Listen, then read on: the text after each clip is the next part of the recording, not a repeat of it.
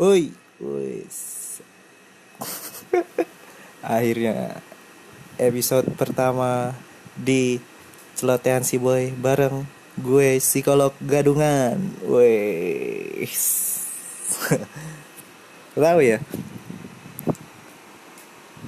Ya akhirnya gue ngerasa baru sempat untuk ngelakuin ini. Setelah gue belakang uh, setelah gue ngupload uh, sebelumnya itu bagian introduce gue ngerasa kok gue bikin kayak ginian ya? Maksudnya gue gue pengen seriusin bikin kayak ginian ya. Padahal kan hidup gue nggak nggak nggak menarik menarik amat ya buat di share gitu. Tapi akhirnya gue mencoba untuk lebih deep lagi mencari tahu ini kayaknya ada yang bisa gue sharing. Ya minimal gue nggak gila sendirian lah.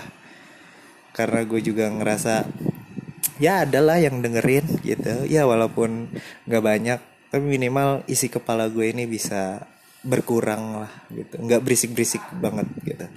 So untuk pertama mungkin gue akan uh, uh, apa ya nge-share uh, apa aja yang gue lakuin di belakangan-belakangan ini. Cie gitu. Ya uh, oh dan juga gue pengen uh, nge-share apa aja yang menjadi concern gue untuk untuk untuk beberapa hari ini gitu. Apa aja yang menjadi uh, keresahan gue belakangan-belakangan ini juga. Ya namanya juga wajar ya. Laki-laki umur 25 jomblo dan tidak mau menikah gitu. wajar banyak yang diresahin dan mungkin itu akan jadi hal yang menyebalkan mungkin kalau di tongkrongan. Tapi ya ya udahlah. Makanya makanya gue bikin ginian. Daripada gue nongkrong bikin nyebelin buat orang lain kan ya gue juga nggak enak gitu kan kan nggak semua orang itu sefrekuensi sama gue gitu. Dan gue gue gue memahami itu. Bukan berarti maksudnya teman-teman gue ini bego gue pinter. Ya emang kadang bukan kadang sih sampai sekarang gue juga ngerasa gue pinter gue pinter sendiri dan yang lain bego. Ya tapi minimal gue sadar lah untuk ya yuk mendingan lu jangan terlalu nyebelin deh buat orang lain. Ya udah. Ya Oke, okay. hmm, apa ya? Dimulai dari mana ya? Hmm, dimulai dari, oh ya, gue masih berkegiatan nulis dan masih collab juga bareng satu rumah produksi di daerah Jakarta Selatan sebagai screenwriter dan juga masih jadi ya bantu-bantu nulis buat beberapa konten creator ya katanya yang buat buat YouTube gitu. Habis gue nggak tahu nyebut mereka apa gitu. Mereka maunya disebut konten creator tapi gue kayak nggak rela gitu. tapi ya udahlah. Ya gue masih bantu-bantu mereka untuk ngedevelop kontennya, nulis, terus kuliah gue ya masih? Walaupun jarang. Ya udah mulai jarang jarang jarang ke kampusnya jarang masuk gitu. Terus dan gue punya kegiatan baru yaitu selama gue dikenalin temen gue eh, sama temen gue ini ya dan gue punya temen baru sih. Bukan temen kenalan baru lah lebih tepatnya. Dikenalin sama temen gue. Dia ini seorang chef. Sih yeah dia kerja di salah satu hotel uh, bi berbintang. Wow bintangnya banyak dah. Pokoknya gue dikenalin sama kenalan baru gue ini. Uh, dan akhirnya gue mencoba untuk menceritakan tentang kesenangan gue yang lain selain menulis dan menggambar gitu. Dan akhirnya gue memasak wah gue diajarin masak sama dia. Dan setelah diajarin beberapa kali beberapa waktu hampir sebulan. Eh nggak nggak sebulan juga sih. Ya pokoknya hampir-hampir sebulan gitu diajarin dia masak. Akhirnya gue per uh, gue diajak untuk nemenin dia masak. Di salah satu acara orang-orang kaya dan akhirnya ya itu berkelanjutan. Gue selalu diajak dia untuk masak di beberapa tempat gitu yang dia selalu di hire untuk masak di sana gitu. Dan setelah gue tanya dia lo sering ya ngambil job-job kayak gini? Iya kata dia, iya sih, gue justru gue lebih sering ngambil job-job di luaran kayak gini, sering diundang masak di rumah siapa lah, di acara mana lah, di hotel mana lah gitu. Cuma emang gue tetap uh, kerja tetapnya di di sini yuk, oh gitu. Emang gaji lu di hotel tempat lu yang itu kurang besar.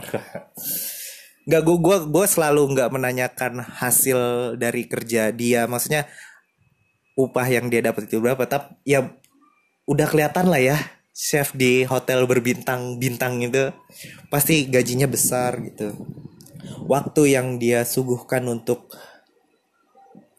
untuk dia dedikasikan untuk beberapa masak makanan ini untuk soal makanan ini pasti banyak banget. Sa sampai akhirnya dia nggak punya waktu untuk melakukan hal-hal yang sebenarnya dia inginkan gitu. Seperti punya pacar kasihan banget men. Padahal cantik orangnya cantik baik gitu.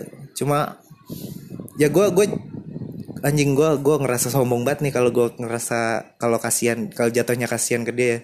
Gue juga jomblo masalahnya. Nggak. Ya ya gimana ya gue gue ngeliat dia dengan usia dia yang hampir tepat sama sih kayak gue cuma kan insekuritas yang gue rasain antar dia kan mungkin lebih tinggi dia sedangkan dia ingin sesuatu tapi semesta sedang tidak mendukung. tapi ya life is so much go on gitu. Tapi di satu sisi gitu ya ya udah gitu. Gue juga sebagai orang yang dipercaya untuk uh, ngebantu dia di beberapa event atau di beberapa uh, acara yang dia datengin ya ya it's just profesional aja gue sih. Tapi tapi gue cukup tertarik. Dan akhirnya gue mulai membuka gerbang baru gerbang ilmu pengetahuan baru lah gitu. Karena gue pernah bilang sama temen gue gue pengen banget belajar tentang uh, kebudayaan kebudayaan yang ada di dunia gitu. Tapi lewatnya lewat masakan. Tapi bagaimana ya caranya? Dan akhirnya kita ketemu. Joyce akhirnya dari dari sini gue dikenalin beberapa ke temen gue itu. Orang-orang yang akhirnya bisa ngebawa gue ke ke hal-hal yang gue inginin gitu. Gue gue pun bisa jalan-jalan ke bisa datang ke beberapa tempat di Indonesia gitu ya berkat dia gitu. Gue sampai ke Sulawesi gue sampai ke Aceh gue sampai ke Medan gue sampai ke Surabaya dan bener-bener bukan hanya di kotanya gue sampai ke pelosoknya gitu. Gue belajar tentang bagai bumbu bumbu apa aja yang khas di tiap daerah itu. Gue belajar tentang bagaimana cara memasak orang-orang di sana dengan berbagai cara. Dan buat gue itu pengalaman yang yang yang cukup menarik. Dan dan ya happy gitu. Ya gue happy lah happy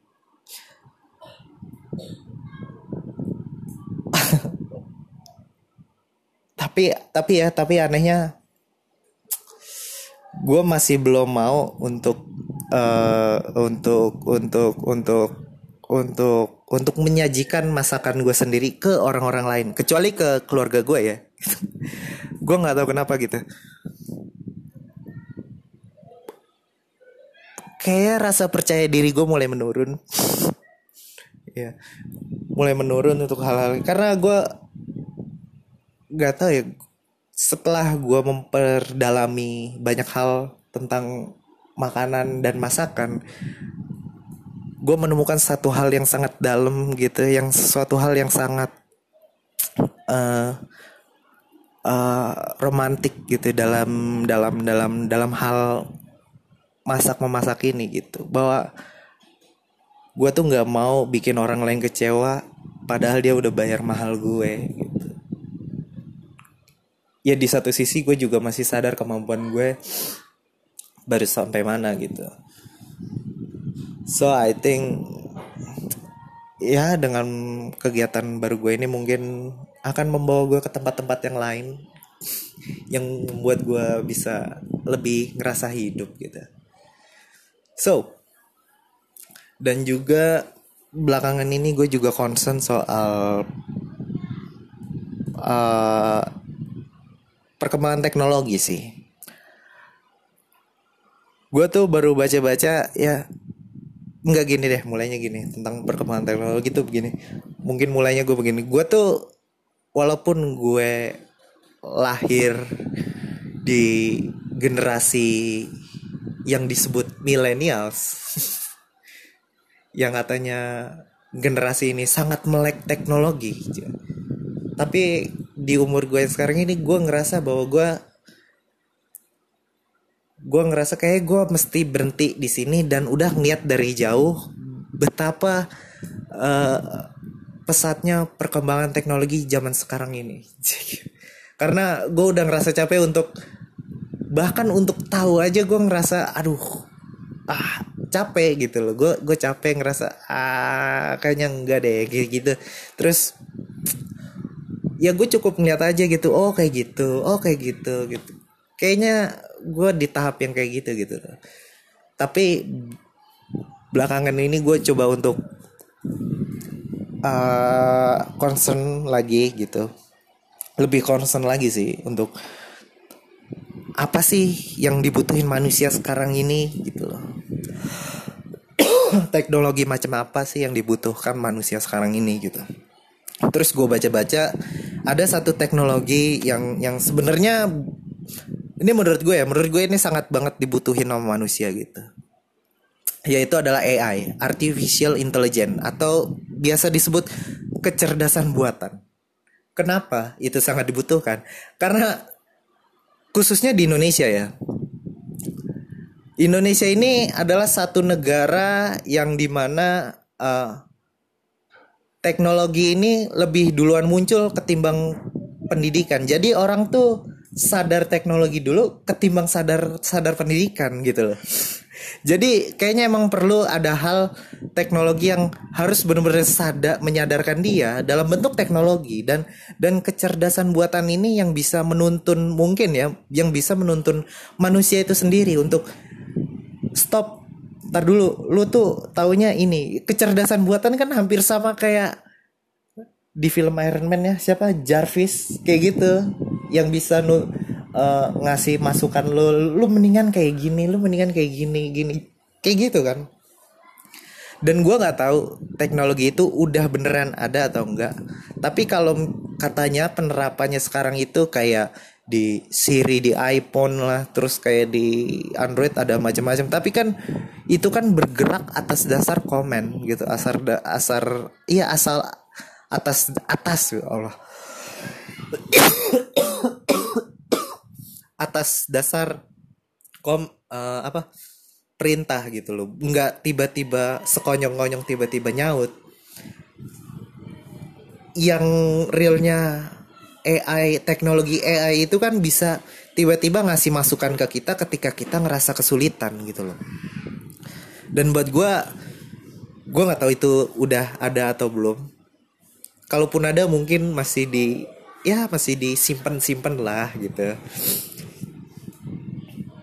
Tapi buat gue emang itu perlu teknologi itu perlu untuk untuk untuk sekarang ya. Untuk ada sekarang tuh kayaknya perlu ya karena minimal harus ada yang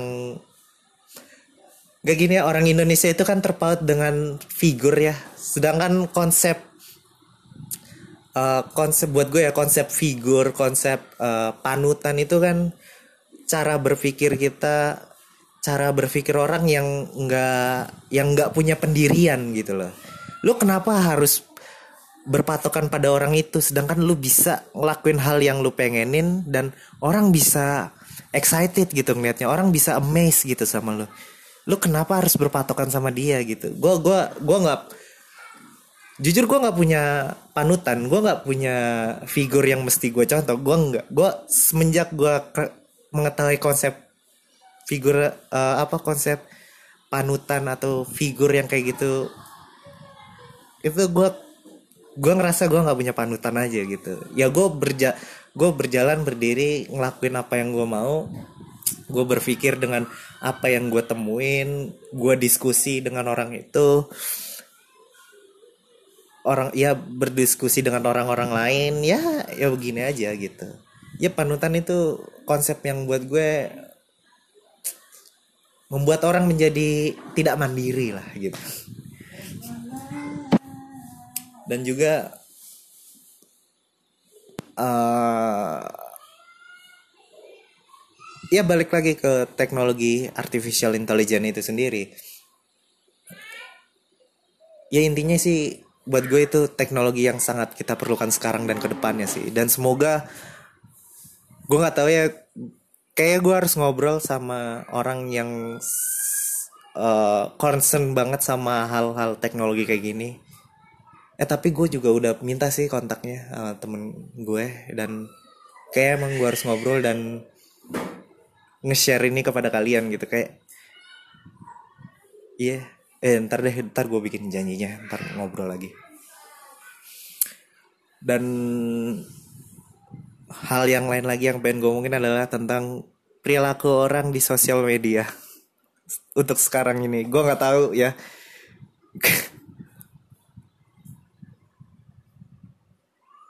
sejak kap nih gini. Gue nggak tahu orang di sosial media itu perilakunya ternyata gue pikir ya perilaku orang di sosial media dan di dunia nyatanya gitu ya. Gue pikir berbeda gitu. Ya walaupun ada yang tetap sama cengengesan di dunia nyata di dan di dunia sosial media di sosmednya pun cengengesan ya buat gue nggak apa-apa gitu. Cuma sikap ketersinggungannya itu loh muncul gitu loh buat gue tersinggung di sosmed itu buang-buang waktu tau gak sih lo kayak waktu itu gue aduh apa ya WhatsApp itu sosial media gak sih ya sosial media lah ya kan bisa ada pasang status WhatsApp gitu. Jadi gini, waktu itu gue pernah nulis, pernah ngupload dah di di WhatsApp statusnya status gue itu. Tulisannya gini, uh, eh, gue tuh ngerasa bahwa diri gue tuh kayak Sasuke gitu. Sasuke di film Naruto gitu. Suka kelayapan ke mana-mana. Uh, punya temen itu pun cuma satu kalaupun ada yang lain ya itu cuma sekedar dan itu ada yang reply dan dia tersinggung kayak tersinggung gitu gue nggak tahu dia ngerasa tersinggung atau gimana tapi buat gue men lo kalau tersinggung sama gue kayak buang-buang waktu deh. Buat gue gitu loh. Kalau lo ngerasa kalau ya maksud gue kalau lo ngerasa gue lo gue ini temen lo ya lo harusnya tahu gue gitu. Iyalah. Wahyu gitu loh.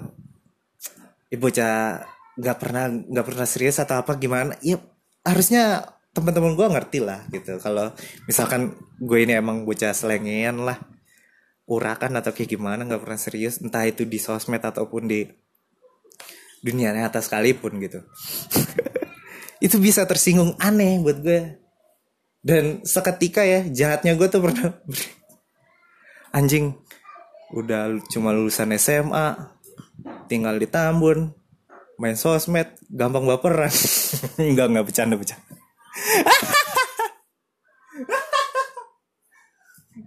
Buat gak ya lu ngapain sih tersinggung di sosmed? Buang-buang waktu banget gitu dan hal-hal dan gue tuh kenapa gue uh, uh, uh, ngomong gini karena gue gua gua gua terpaut sama tweetannya Rocky Gerung. Rocky Gerung tuh pernah nge-tweet ini ya semua yang ada di sosmed itu bohongan kecuali harga cabe sama bawang. Nah itu beneran naik tuh. Nah gue tuh terpaut sama itu. Dan ya udah gue gue selalu menganggap apa pun yang ada di sosmed itu bohongan selama itu belum ada klarifikasi dari orangnya tersebut gitu. Baru itu beneran gitu. Selama itu hanya ditulis lah atau bentuk video atau gimana. Kalau belum ada bentuk klarifikasi dari orang tersebut buat gue itu masih bohongan lah. Masih ya semua yang di sosmed kan cuma buat seru-seruannya. Berangkatnya itu kan untuk lucu-lucuan seru-seruan atau untuk nge-share informasi atau untuk mempromosikan sesuatu ya udah buat gue gue gue gue selalu berangkat dari hal itu. Gue nggak pernah ngerasa tersinggung. Ataupun ada yang nyinggung gue di sosmed no mention no mention gitu ya gue bodoh amat lah.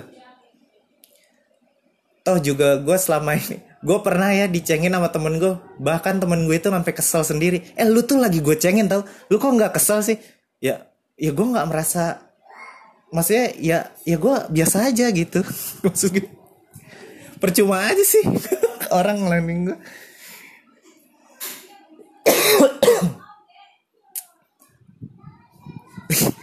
dan gue ya ya itu itu aja sih yang pengen gue share gitu. Aja yang udah 20 menit. Gue kira udah sejam lah oh ya balik lagi soal ke masak-masak dan makan makanan ini. Gue waktu ke Sulawesi Utara. Daerah mana? Ya pokoknya ke daerah Sulawesi itulah.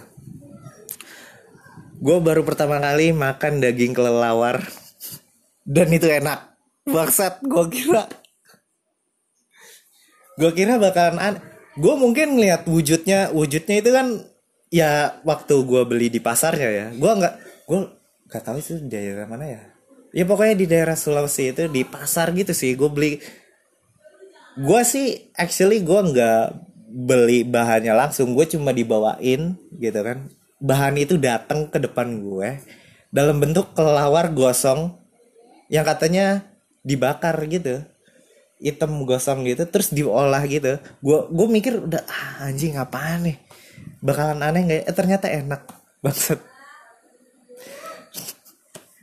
dan dan gue mulai tertarik dengan makanan-makanan yang bisa dimasuk masukkan kategori ekstrim lah. Kayak kalau lawar gue pernah makan sambel walang sangit waktu gue ke Solo.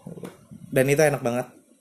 Sumpah enak banget. Walaupun sangitnya masih terasa tapi itu justru itu ciri khasnya buat gue getir-getir anyir. Anyir apa sih ya anyir ya? Ya pokoknya gitu deh. Sangit sangit gitu masih aduh. Tapi enak. Enak. Terus gue pernah makan daging buaya tapi yang masih bayi gitu ya. Yang mas ya bukan masih bayi sih masih kecil gitu daging buaya. Dan terakhir kelelawar. Dan gue pengen banget makan kuku beruang pengen banget. Setelah gue baca-baca ternyata di Rusia di kota Serbia ya Serbia itu ada makanan khas sana yang katanya berasal dari kuku beruang. Dan gue pengen banget. Gue nggak tahu kenapa.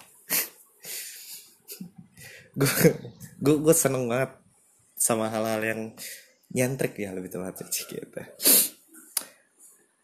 Uh, ya mungkin untuk episode awal ini cukup sampai segini aja ya. Gitu. Asik. Udah kayak presenter presenter aja juga.